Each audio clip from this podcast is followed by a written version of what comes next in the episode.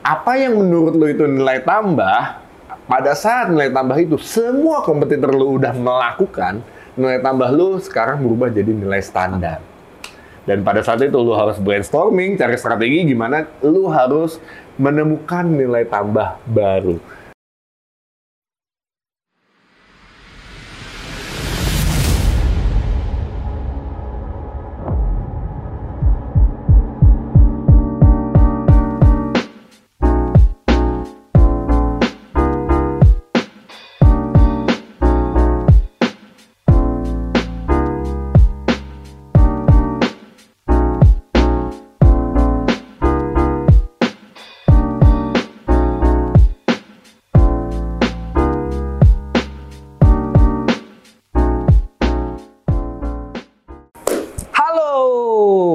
Pinvestor.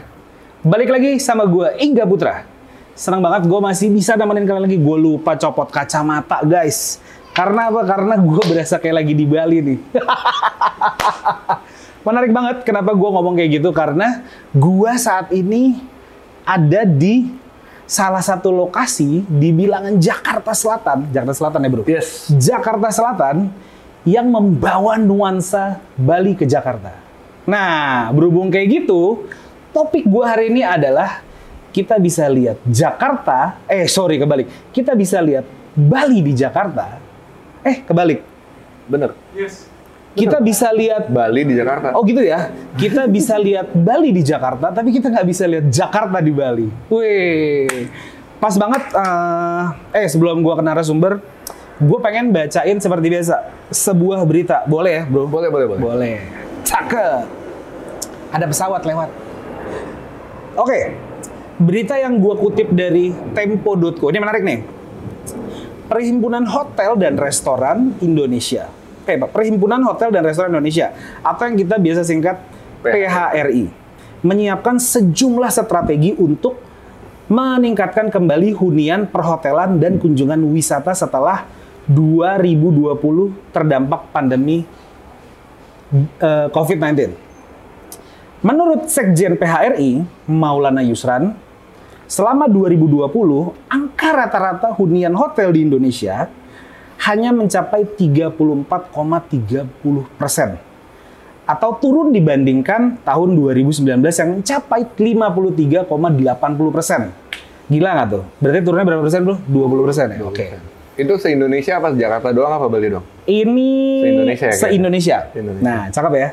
Selain menerapkan protokol kesehatan, pihaknya juga berupaya agar semua tenaga kerja hotel dan restoran segera divaksinkan karena mereka bekerja di sektor publik. Kemudian, pihaknya juga menggelar kampanye bepergian dengan aman serta melakukan penjualan paket akomodasi di masa pandemi. Nah, dia juga melihat tantangan yang dihadapi pelaku usaha hotel dan restoran di masa pandemi adalah masih adanya pembatasan kegiatan pergerakan wisatawan atau melalui PSBB dan PPKM. Menarik nih. Karena apa? Karena udah hadir bukan secara virtual kali ini. Karena ini secara offline. Yeah. Udah ada Mas Boy Satria selaku owner dari Eskotel. Halo Mas Boy. Halo, Mas. Gimana kabarnya? Baik, alhamdulillah. Alhamdulillah. Muka kayaknya berseri-seri banget nih. Iya dong. Bisnis lancar ya? Alhamdulillah. Asik. Dibanding yang lain. Mas Boy, nih Oke. sebelum kita mulai-mulai ngobrol-ngobrol santai, mungkin ada baiknya kita kenalan dulu yuk Mas Boy sama investor kita. Silakan Mas Boy. Oke, eh, perkenalkan nama gue Boy Satria. Gue udah berada di industri perhotelan, akomodasi dan pariwisata dari tahun 2014 sampai 2021 dan di tahun 2019 gue membuat sebuah startup yang bernama Eskotel yang mana itu adalah sebuah perusahaan yang bergerak di bidang akomodasi, pariwisata, perhotelan Cakep. yang mana kita membuat semacam uh, crowdfunding, Heeh. crowdfunding uh, internal ya. Oke. Jadi, jadi kita ngumpulin dana investor untuk kita buat sebuah penginapan, kita make it profitable, uh, bagus dan menghasilkan, lalu nantinya kita bisa jual dengan harga premium bahkan di saat lagi pandemi. Cak. Masuk Pak Eko. Mas Boy itu ngomongnya lancar banget ya. Biasa udah sering tampil nih kayak di TV-TV nih. Eh Mas Boy, anyway, Oke, gimana nggak? lo sejak pandemi ini gimana nih kotel ini nih? Es Kotel? Rame atau enggak? Ah, Alhamdulillah ah, lebih baik dibanding rekan-rekan hotel lain di Indonesia. Jadi kalau misalnya tadi berdasarkan data ah, yang dari PHRI ya, Hmm. Kalau nggak salah tadi sepanjang tahun 2020 itu okupansi menurun di angka 30 persen ya. Yes, 38 persen. 38 persen. Eh, di kita es hotel yang di Jakarta maupun Bali, alhamdulillah karena banyak rezeki kita berada di okupansi di 95 persen. Gila. Selama pandemi itu ya? Ya selama pandemi. Jadi nggak berdampak nih sama lo ya? Berdampak. Cuman kita bisa memutar strategi yang kita rasa ini adalah yang paling penting dilakukan, paling relevan sehingga kita bisa survive. Jadi lo ada empat tuh ya? Ada empat, lo punya empat es kotel nih ya? Ada empat cabang, so- sorry maksudnya. Ah, no. Eh gimana? Empat di Bali aja. Oh empat di Bali, satu di Jakarta. Dua di Jakarta. Dua di Jakarta. Dan kita lagi jadi di saat pandemi hotel itu nutup, nah kita alhamdulillah dikasih kesempatan, dikasih rezeki untuk malah buka hotel baru di Bali. Jadi hotel kelima di Uluwatu. Wih keren banget. Keren ya eh, si Mas Boy ini ya. Tapi gue cukup tertarik ya karena lo membawa nuansa Bali ke Jakarta. Itu kenapa sih itu lo backgroundnya gimana? Coba boleh diceritain. Oke, jadi gini, eh, pada saat ini ya kita bicara es kotel jahat Iya. Cilandak, eh, Red Doors Premium. Oke. Eh, pada saat itu belum ada pandemi. Oke. 2019 belum ada pandemi. Ini uh, salah satu proyek pertama kita di Eskotel. Ya kan Eskotel itu baru berdiri di 2019. Belum ada pandemi, Bro. 2019. Yes. Masih Cuman aman ya? uh, kita di situ pada saat gua brainstorming nih dengan tim, kita harus punya sesuatu yang uh, nilai tambah. Jadi intinya adalah nggak nggak cuma di bisnis uh, hospitality, bisa aja di F&B, bisa aja di jual beli mobil, bisa aja di forex, bisa aja di bisnis apa pun, media segala macam. Uh, kuncinya adalah kita harus bisa terus menerus memberikan nilai tambah terhadap customer kita. Gitu. Jadi kalau nilai tambah itu apa sih? Sebenarnya nilai tambah adalah uh, sebuah value yang kita berikan kepada customer kita yang orang lain kompetitor kita tidak lakukan gitu ya. Jadi pada saat, nah, gue bicara di industri perhotelan yang gue miliki pada saat uh, kita mau membuat es hotel Jaha ini di pusat Jakarta Selatan di Cilandak ya, tempat premium.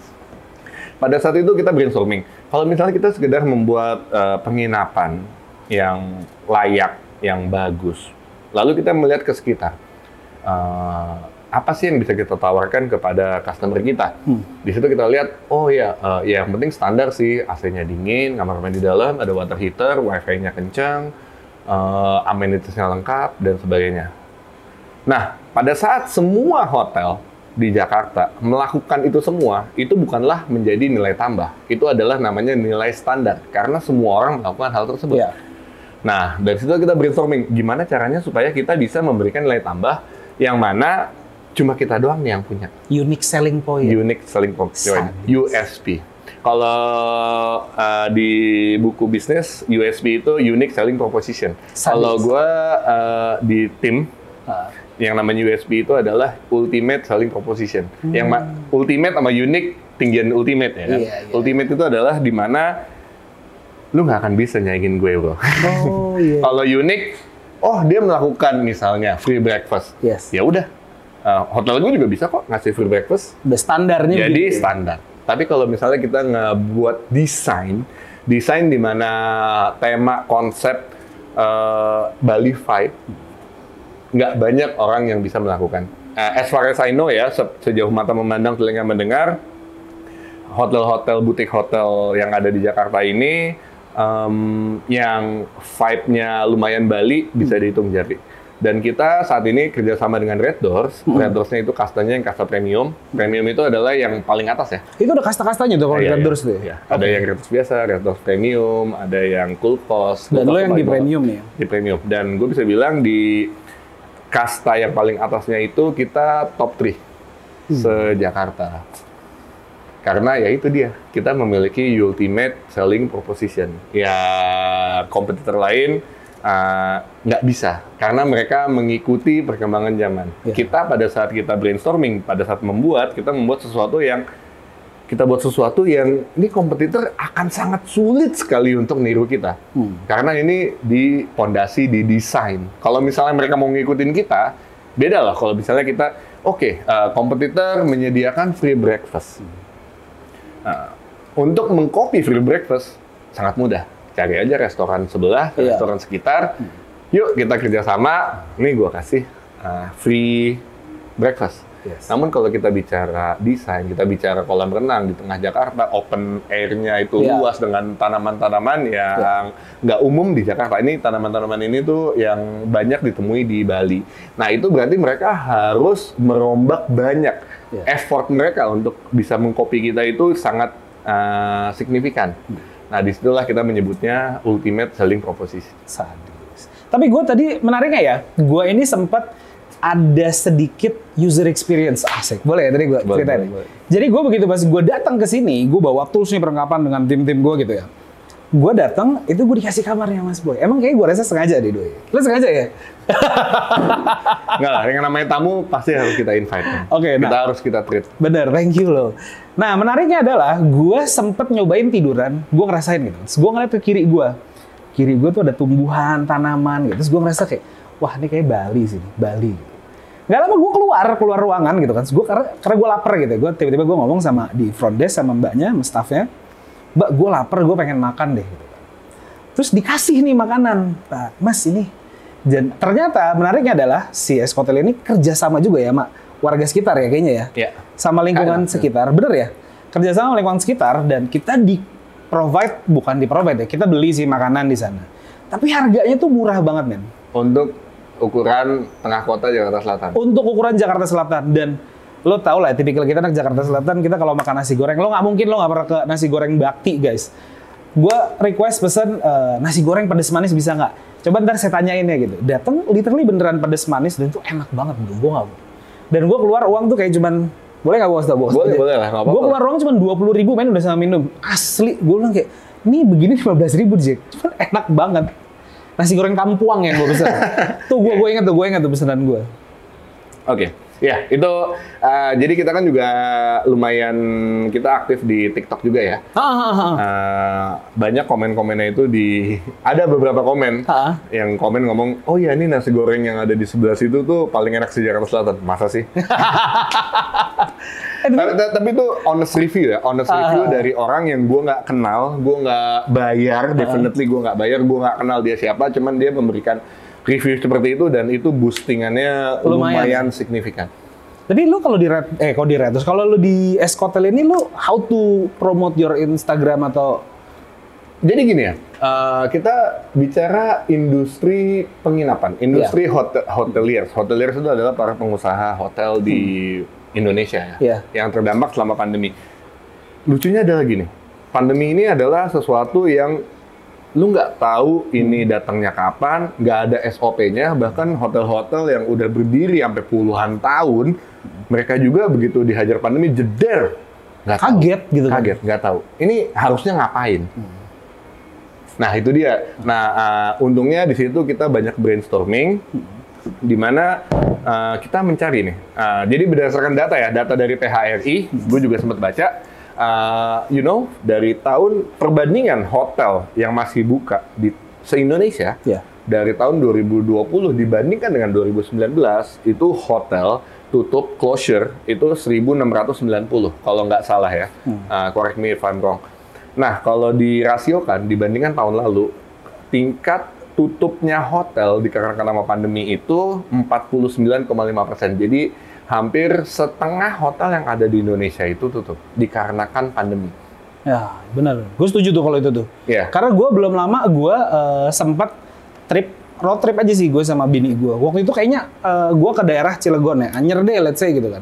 Itu hampir banyak yang tutup. Cuman Yes. sekarang kayaknya lagi naik daun lagi Iya, ya. Le. Di- kita bicara di tahun 2020. Kita kan sekarang 2021 ya. Yes. Udah mulai uh, Udah mulai ada yang naik. Banyak yang vaksin, banyak yang uh, udah mulai oh gila men, gue udah nggak bisa nih setahun Nah. uh, di rumah terus gue harus get out gitu Iya. ya. Nah, cuman alhamdulillahnya adalah kita eh, dari semenjak pandemi itu menghajar kita sampai di 2021 okupansi nggak pernah turun lebih rendah dari 70%. Alhamdulillah dong ya berarti. Ya, karena eh, ini juga mungkin ini gue mau sharing nggak apa-apa ya? Boleh, boleh, boleh, boleh. Silakan, silakan. buat teman-teman para penonton yang kebetulan Kita berada di investor. ya Asik. investor ya Investor. Nah, para investor yang bergerak di industri hoteliers ya Hmm. yang punya hotel yang terdampak pandemi pusing ya memang pusing cuman kita bicara statistik ya kok ada hotel-hotel yang survive dan thriving ya dan sukses ada hotel-hotel yang mati dan drop hilang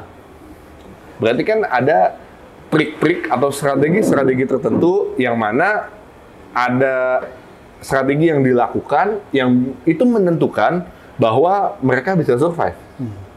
Iya dong. Iya benar. Ada Pas- satu pa- titik. pasti ada ada ada ada Kenapa gitu? kenapa. Nah mungkin gue bisa bisa sharing ya. Bonggo, bonggo, bonggo. Gue nggak bilang uh, trik gue ini pasti efektif, pasti bisa berhasil, pasti bisa dilakukan ke semua hotel yang terdampak pandemi. Cuman hal ini gue lakukan dan alhamdulillah survive dan alhamdulillah okupansinya selalu di atas 70%, 80%. Rata-rata 70% ya berarti ya? Di atas 70% sorry. Sebenarnya pengennya ngomongnya pengennya sih ngomongnya 90%, tapi agak agak-agak sombong kan nggak enak kan ya, jadi diturunin aja deh. Iya, iya, iya, iya. Jadi gini, nah, gue ngelihat ada beberapa poin yang harus kita perhatikan. Yang pertama adalah nah, kita harus memulai semuanya dari empati. Empati. Pandemi affecting semuanya, nggak cuma kita, para pengusaha hotelier, Uh, para klien, para customer, semua itu terdampak. Ya, jadi kan kalau misalnya kita bicara kondisi normal ya, tanpa ada pandemi, hmm, hotel tuh pasti ada ada yang namanya polusi seperti ini. Kalau misalnya uh, kamu udah booking, lalu kamu nggak show up atau kamu cancellation di bawah 48 jam, uang kamu hangus. Uh, sekarang gue posisikan uh, diri kita sebagai customer Customer. ya kan sebagai customer. Terus eh, kalau misalnya kita udah meluangkan waktu, menyiapkan waktu untuk liburan, untuk staycation, untuk pergi eh, berwisata. Setelah kita udah bertahun-tahun eh, stuck lockdown ya, nggak bisa ke mana-mana, kita akhirnya menyempatkan waktu bahwa oh ya, ini kita bisa nih liburan. Terus tiba-tiba ada sesuatu yang dikarenakan kebijakan pemerintah, ya kan, Iya, ppkm, P- eh, PSBB, yang mana tadinya kita udah mau berangkat, tapi karena harus vaksin, karena harus PCR, Oh. jadi kita harus meng-cancel kan. Gagal, maning lah ceritanya. Gagal. Pertanyaannya adalah, emang yang mau menggagalkan itu karena si customernya? Enggak, Bukan bro, karena kondisi. karena kondisi. Kalau misalnya emang itu nggak terjadi, gue pasti datang kok. Dan itu adalah salah satu hal yang mana gue nggak mungkin meng-cancel liburan yang udah gue planning lama. Terus habis itu gue nggak cancel cuma gara-gara ah mager deh, gue kayaknya Ah. bulan depan aja kali ya. Nah, Rata-rata kan pasti kan karena bener-bener force major yang gue pengen banget datang nih. Cuman karena kondisi yang tidak memungkinkan gue untuk pergi karena ada PCR, eh, SIKM, surat izin keluar masuk dan sebagainya, gue nggak bisa datang. Tapi gue tetap pengen kok liburan ke Bali gitu. Nah, beberapa hotel memilih untuk no, your money is gone. ya. Nah, kalau di- Tidak bisa di refund gitu ya. tidak bisa di refund. Nah, kalau di kita, kita lebih memilih untuk ya udah deh, ya, kita paham, kita pun memiliki empati bahwa ini semua bukan salah lo, ini kita semua terdampak.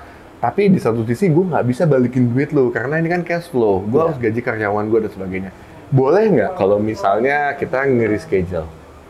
Oh. Boleh nggak? Jadi Lu ganti waktunya gitu. customer happy, kita, Kita juga happy. tertolong. Oke, itu yang pertama. Kita mulai dari empati. Yang kedua adalah kita harus mulai dari yang namanya um, yang paket-paket standar lah. You know, kayak uh, work, work from Bali, work from hotel, yang yang mana orang-orang di hotel-hotel lain pada melakukan. Tadinya awal-awal itu adalah uh, unique selling proposition ya, ultimate selling proposition karena nggak ada hotel lain yang melakukan itu. Tapi tiba-tiba semua hotel ngopi, ngikutin. Hmm. Itu jadi nilai standar. Tapi paling nggak itu adalah hal yang baik yang Ya. bisa kita tawarkan. Karena gini, Nah, orang Jakarta, orang Jakarta itu kalau misalnya uh, pada saat WFH, dia itu uh, kosnya pada saat tinggal di Bali, ngekos di Bali sama ngekos di Jakarta dibandingkan ngekos di Canggu. Canggu itu adalah daerah yang paling bagus, paling hype lah di di Bali yang uh, ininya langsung beachfront. Yep. Dibandingkan sama di Jakarta yang di Kuningan, di Kuningan itu uh, ya prime location ya. Yeah. Di Kuningan kos itu tuh mungkin bisa seharga tiga setengah sampai 5 juta. Gue gue gue nggak tahu ya. Itu, Asli, itu iya, bener iya. ya? Betul, Ya, betul sih. Kosan di daerah itu mahal Gua, banget ya. Karena gue pernah nyoba ngekos di daerah Gatot Subroto, itu gue pakai yang nggak pakai AC aja tuh 1,5 kan. Nah kalau yang to 2 juta. ada AC, ada WiFi, ada parkiran, ada water Yes. heater, mungkin, Mungkin sekitar lebih. ti- 3 sampai 5 ya. Iya, itu gue setuju. Nah, kalau di Bali, Nah. the same exact uh, facility kita bisa mendapatkan dengan harga 2,5. Makanya kita mempromotkan, oke, yuk kita work from Bali. Karena bedanya gini, lu kalau misalnya ngekos dari Jakarta di Kuningan, walaupun tempat paling strategis sekalipun, lu keluar rumah ketemunya ojek coy, polusi. Iya menarik, menarik. ya kan, kalau lu di Bali, uh, lu keluar, lu ketemunya pantai. Iya. Beda banget dong. Beda, beda. Nah dari situlah. Nah tapi semua orang melakukan itu, maka itu udah jadi nilai standar yang nggak bisa kita. Oke, kita harus move on. Kita harus move on. Kita harus cari lagi uh, strategi lain yang bisa kita manfaatkan. Iya. Ada satu hal yang mana gue punya banyak teman-teman pengusaha hotel yang dia tidak memanfaatkan hal ini, yang mana tuh sebenarnya ini adalah hal yang harus dimanfaatkan. Stimulus pemerintah. Jadi eh, menteri eh, Kemenparekraf ya, Kementerian Waktu itu masih ini ya, si Wisnu Tama. Wisnu Tama, baik Oh. Wisnu Tama maupun Pak Sandiaga Uno, mereka itu di 2020 2020 menggelontorkan dana, lu tahu, 3,3 triliun untuk semua pelaku hotel dan restoran. Dan nggak banyak yang tahu pelaku perhotelan yang nggak banyak memanfaatkan. Padahal itu ada insentif yang diberikan oleh pemerintah cuma-cuma untuk digunakan, banyak yang nggak tahu. Nah, untungnya gue mencari Lo tahu. mencari tahu, iya. Nah, itu iya, iya. keren banget bro. Jadi uh, kita bisa dapat insentif, kita bisa Ah. dapat kayak bayar pajak uh, hotel, kita Hmm. bisa mundurin, bayar pajak ini kita bisa entaran. Hmm. Itu kan gede banget. Pajak hotel itu 10% dari revenue, which is really really great, really really big. Tinggi banget. Nah kalau misalnya kita nggak daftar, kita nggak manfaatin, Lo tidak bisa memanfaatkan Yes. benefit itu gitu. Ya, dan banyak banget hotel yang mati karena keserang sama yang namanya pajak, keserang sama yang namanya Problemnya adalah dia nggak tahu gitu. dia kan. nggak tahu. Nah, itu yang ketiga ya. Ya. Lalu yang keempat, kita bisa memanfaatkan yang namanya Bentar, gue pikir dulu ya. Hmm, yang keempat adalah kita harus bisa memanfaatkan. Jadi gini, di dunia uh, host, uh, Hospitality. ya hospitality ya hotelier ya. Kita beda sama yang namanya bisnis hmm, jualan barang. Kenapa? Karena di hotelier yang kita jual itu adalah kamar hotel. Kamar hotel itu kalau misalnya kita nggak laku hari ini, nggak bisa kita jual besok. Beda kalau kita jualan mobil, kita jualan eh, handphone, Yes. kita nggak nggak kita punya stok handphone ada 10 unit. Kita nggak laku nih 10 unitnya hari ini. Ya tenang aja kita masih bisa jualan besok. Kita masih bisa jualan lusa. Tapi kalau di hotel ini ada kamar hotel nih kamar J ini nggak laku hari ini udah ganti hari emang bisa kita jual kamar J yang nggak laku kemarin Nggak bisa. nggak bisa Nggak bisa. Itulah yang kita sebut yang namanya dead stock. Dan dari situlah gue memberikan pengertian kepada jajaran gue bahwa kalau misalnya ini terjadi, lebih baik misalnya kita punya publish rate 200 ribu, ya 200 ribu atau 250 ribu. Nah kalau misalnya udah di jam-jam sekitar jam 7 malam atau 8 malam, di mana ini kayaknya nih, ini kamar ini nggak bisa dijual nih, langsung lah kita ngebikin uh, cut cut price. Kita banting harganya sampai di mungkin 100 ribu, 125 ribu. Serius lu mas? Yes. Kenapa? Karena lebih mending mendapatkan uang 125 ribu dibandingkan nol. Ingat, kamar yang nggak kejual hari ini nggak bisa kita jual besok. Sekarang gue tanya balik ke lo, mendingan dapatnya 120 ribu atau 100 ribu apa nol? Mendingan 120 ribu. Exactly. Karena di dunia hot- uh, hospitality ya, hotel, fixed cost itu pasti. Gaji karyawan itu pasti. Yes. Uh, listrik itu pasti. Wifi itu pasti. Uh, maintenance untuk kolam renang itu pasti. Sifatnya pasti. Ya kan? Mau mau tamunya rame, mau tamunya sepi, ya Tapi ini tetap harus maintenance bayar. tetap. Nah, ini ada satu kamar yang mana nggak nggak bisa laku nih. Hmm. Kita udah tahu nih, udah jam 8 malam kok nggak ada nggak laku-laku. Ya udah banting aja harga. Kita langsung publish di OTA, di Traveloka, sebagai Oh. macam. Kita banting, yang penting keisi. 100 ribu lebih baik daripada nol. Dan inilah yang mana nah, gue bisa ngasih masukan kepada teman-teman yang mungkin berada di industri hotelier. Jangan gengsi lah. Oh kita Kempinski, oh kita eh, hotel besar ya, hotel berbintang. Kalau misalnya gue jual di harga segini, kualitas tamu yang menginap pasti rendah dong, pasti Iya. akan ini dong. Tapi kita harus lihat lagi, bro, kita nggak jual ini eh, sepanjang waktu kok. Kita hanya jual ini cuma di saat-saat di mana ini udah genting, udah nggak bisa laku lagi. Ya udahlah, jual aja murah. Toh dengan kita jual murah, eh, tamu jadi happy, eh, customer experience itu akan naik, dan mereka akan ngasih tahu ke teman-temannya. Yes. Lanjut, tips berikutnya. Ah, dikarenakan pandemi, yang tadinya okupansi itu ya udahlah kita cuek-cuek bebek segala macam, penuh penuh penuh. Ya kan kita jadi sibuk ngurusin operasional hotel. Nah, di saat pandemi kan tiba-tiba drop, ya kan? Yang tadinya tamunya itu 100% jadi cuma tinggal 50%. Jadi kan kita sebagai manajer, supervisor dan tim jadi lebih luang, lebih santai. Nah, di saat itulah manfaatkan waktumu yang nggak ngapa-ngapain untuk berbenah. Berbenah, cek di dalam. Ada nggak sih hal-hal yang bisa kita hematkan? Ada nggak sih hal-hal yang bisa kita improve? Ada nggak sih hal-hal yang bisa kita lakukan untuk nge-cut cost? Hmm. Ya kan, misalnya kolam renang. Oh, kolam renang pada saat PSBB nggak boleh digunakan sama sekali. Hmm. Ya udahlah, cocok. Uh, maintenance kolam renang mahal banget. Aman. Berarti Ya kan? kalau renang bisa kita cost cut deh. Eh, cut cost, Cut cost. pemeliharaan itu lah apa tuh namanya eh, yang chemical-chemical supaya ngebikin kolam Iya. renang itu jadi bersih, dimatikan, nggak usah di stok. Nah, ntar kita alasannya ke tamu, loh saya kan berenang. Oh, nggak bisa bosku. Ini dari peraturan pemerintah kolam renang tidak bisa digunakan.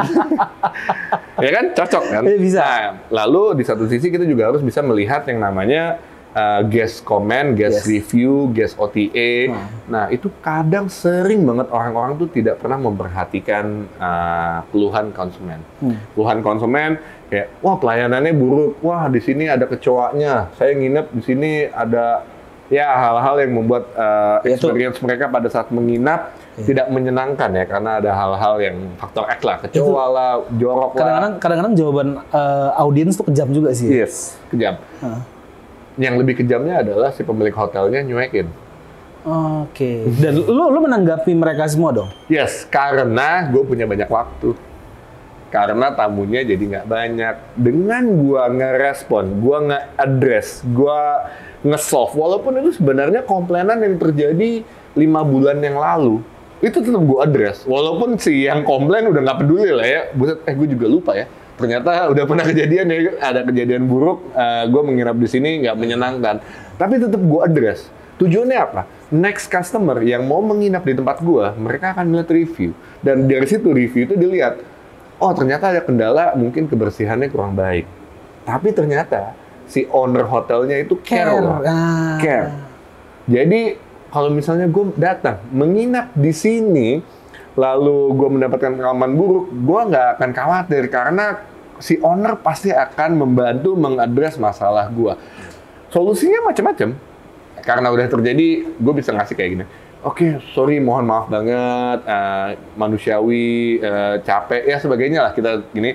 Untuk sebagai gantinya, eh, Bapak kita kasih potongan voucher diskon 20% untuk Untuk next, next visitnya. visit. That's extremely um, bagus banget ya. Dan Nah, itu pernah ke- kejadian apa? Yes, yes, Ada yes. yang returning. Iya, iya, iya. Dan itu yang tadinya orang paling benci sama hotel kita, jadi orang paling setia sama kita. Bahkan setiap nanti ada kejadian di mana hotel kita dijelek-jelekan sama customer lain, Ada orang yang belain. orang inilah yang tadinya haters kita Iya. jadi militan setia kita yang akan ngebantuin kita menolong. Itu kalau katanya Widi itu namanya ada narasumber kita yang sebelumnya namanya social investment. Yes. Masuk ya? Iya masuk. Masuk Pak Eko. Dan yang terakhir, yes. itu semua udah dilakukan dan ini adalah faktor terakhir yang menurut gua paling signifikan ngebus eh, penjualan revenue, yaitu adalah manfaatkanlah social influencer. Hmm. Jadi ya kita sering-sering kasih giveaway, kita sering nge-shoot tempat kita buat uh, storytellingnya yang bagus. Ya you do it every day. One time you get lucky, tiba-tiba jadi viral. Iya. Ada, gue ada kayak dua atau tiga gitu uh, video TikTok gue yang di review yang gue nggak bayar sama sekali. Itu bener-bener murni pengalaman menginapnya customer dan itu went viral yang nge- yang nge-likes ya. Yang nge-likes itu 200 ribu. Berarti bayangin dong yang ngebaca itu ada berapa juta. Yang yang nonton itu berapa juta. Dan pada saat udah viral itu udah nggak usah khawatir akan sales. Itu full book sampai tiga bulan ke depan. Udah kita happy happy aja. Kita liburan ke Bali kita liburan ke mana. Nah. Ya. enak ya. itu trik-trik ini sebenarnya bukan bukan murni dari gua gua yang lakukan. Gua cuma gua riset ya kan namanya lagi terpuruk nggak ada yang tahu nih contekannya dari mana ya dapatnya? Ya udah kita lihat aja nih kok hotel ini bisa sukses ya? Kita lihat aja nih apa Dia sih ngapain sebenarnya aja yang, sih? yang dia lakukan oh ini yuk coba gue terapin di tempat gue. Oh iya It ternyata works ternyata ya. it works. Amati tiru modifikasi. Atau amati tiru plug Catat guys, investor jangan lupa dicatat. Karena eh, ini ilmu-ilmu yang dikasih semua ini itu adalah yang tadi mau gue tanyain tapi dijabarkan semua sama Mas Boy. Dan makanya kalau misalnya ada orang bilang, oh gimana pas pandemi eh, dunia bisnis lo gitu, Hmm, tutup nggak? Ini nggak? Gue bisa bilang, eh, alhamdulillah ada dapat rezeki, kita dipercaya, Nah, kita nggak tutup bro, kita buka cabang. Sadis. Jadi di Jakarta tuh ada dua ya berarti? Dua. Karena yang kemarin gue dengar tuh baru satu loh. Ada lagi di Pangkalan Jati. Jadi guys kalau buat yang pengen tahu Instagramnya di mana Mas Boy? Eh, Escotel underscore ID. Nah ini ada di gimana Gil? Lo mau taruh di sini nanti Gil nih? Ting, di sini, di sini nih, di sini nih ya. Gitu. Lalu eh, bisa cari Escotel di mana aja di Red Doors. Eh, lebih baik sih sebenarnya eh, DM. DM Instagram. Ah, Instagram. Kita lebih suka offline aja. Oh, Oke. Yang kerjasama dengan uh, virtual hotel operator, uh, Red Doors, Oyo itu kan virtual hotel Hmm. operator ya. Nah, itu dari tujuh yang available saat ini itu cuma dua. Oke. Nah, dan yang lainnya itu kita benar-benar bisa selling cuma berdasarkan dari viral di TikTok. Hmm. Dan ini itu beneran banyak banget orderan yang masuk. Oke, oke, oke. Bisa nggak sih gue kalau datang gitu go show aja gitu? Agak sulit. Agak Biasanya sulit. full ya? book. Sadis. Ngeri lo bapak ini. Waduh. Tapi ngomongin eh entrepreneur. Tapi kalau ya. bisa pakai hotline langsung sini ya bisa diusahakan. nanti kita caprian ya. Menarik ya, eh, seru juga nih kalau ngobrol sama bapak entrepreneur satu ini. Ternyata bisnisnya nggak cuma deskotel AC. Bisa ya gue melipir ke yang lain ya. Nah, salah satu bisnis dari Mas Boy ini adalah Mas Boy. Beliau bisnis eh, jual beli mobil.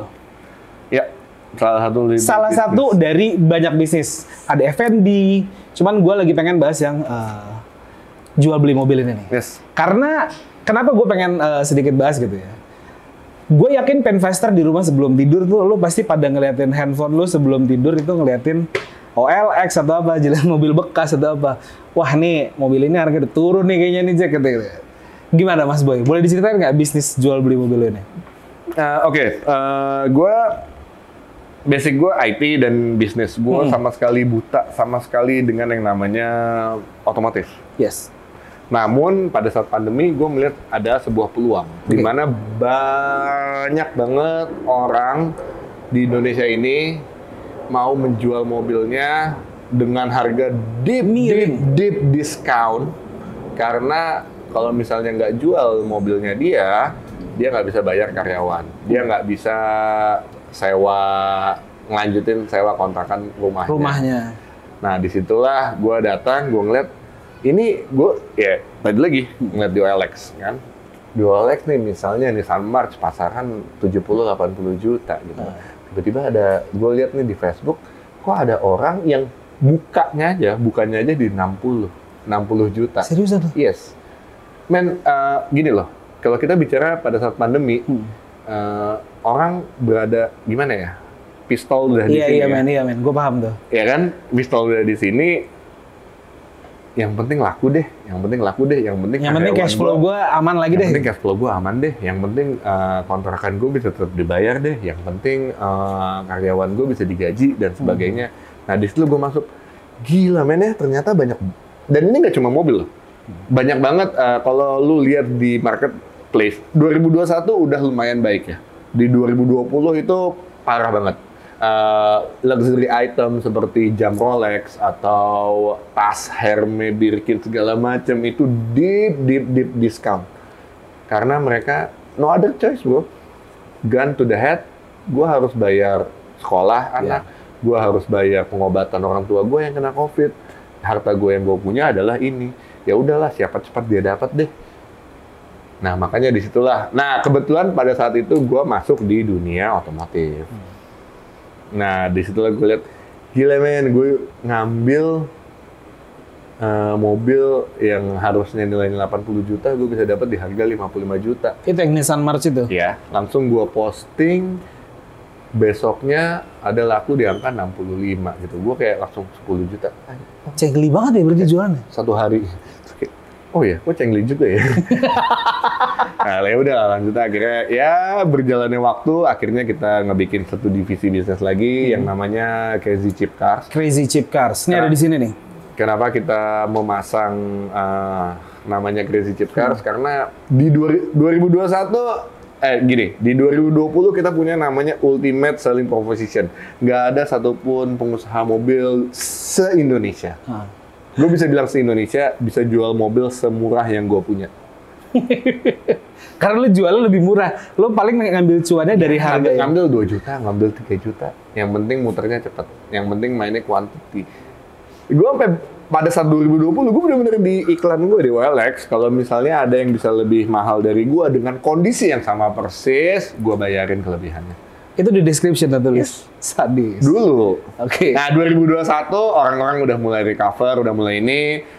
Ultimate selling proposition gue yang itu gue tinggalkan. Karena itu udah nggak reasonable lagi. Karena itu udah sul- sulit banget.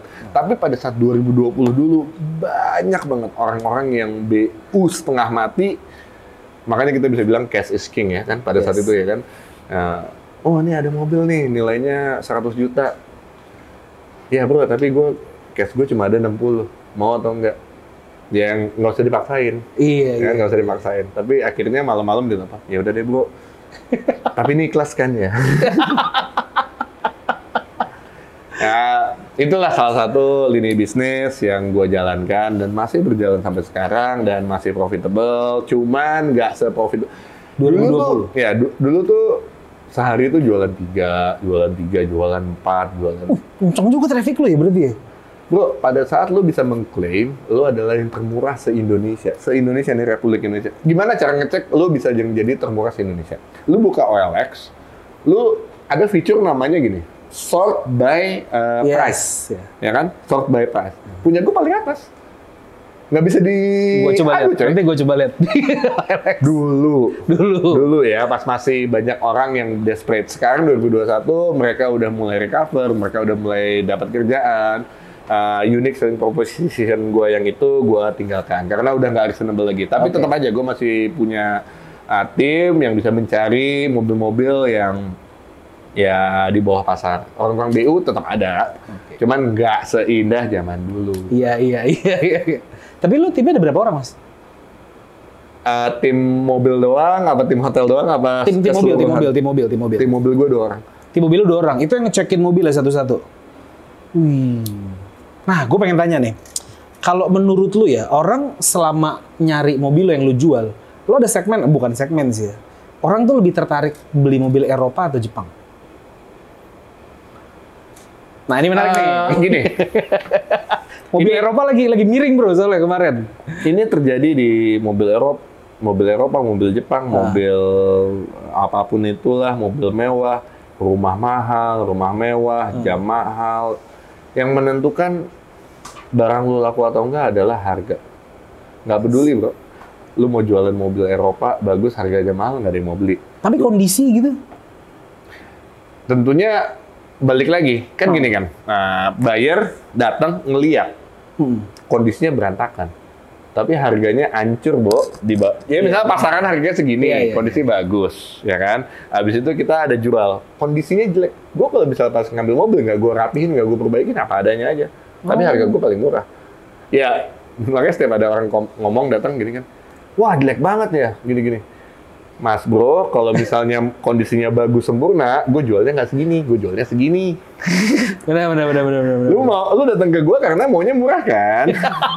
nah, kelemahan orang Indonesia adalah maunya harganya murah, dapatnya kualitas premium. Susah, Iya benar bosku. benar benar benar benar benar. Iya sama tuh kayak kayak gue ya kurang lebih ya maunya banyak cuman duitnya nggak ada pak. Itu tuh yang repot tuh ya. Luar biasa. Nah, dan itu terjadi nggak nggak nggak nggak cuma di bisnis mobil, di semua bisnis apa pun. Hmm. Kebetulan pada saat itu gue mainnya di bisnis mobil. Gue punya saudara yang main di bisnis eh, barang-barang hypebeast.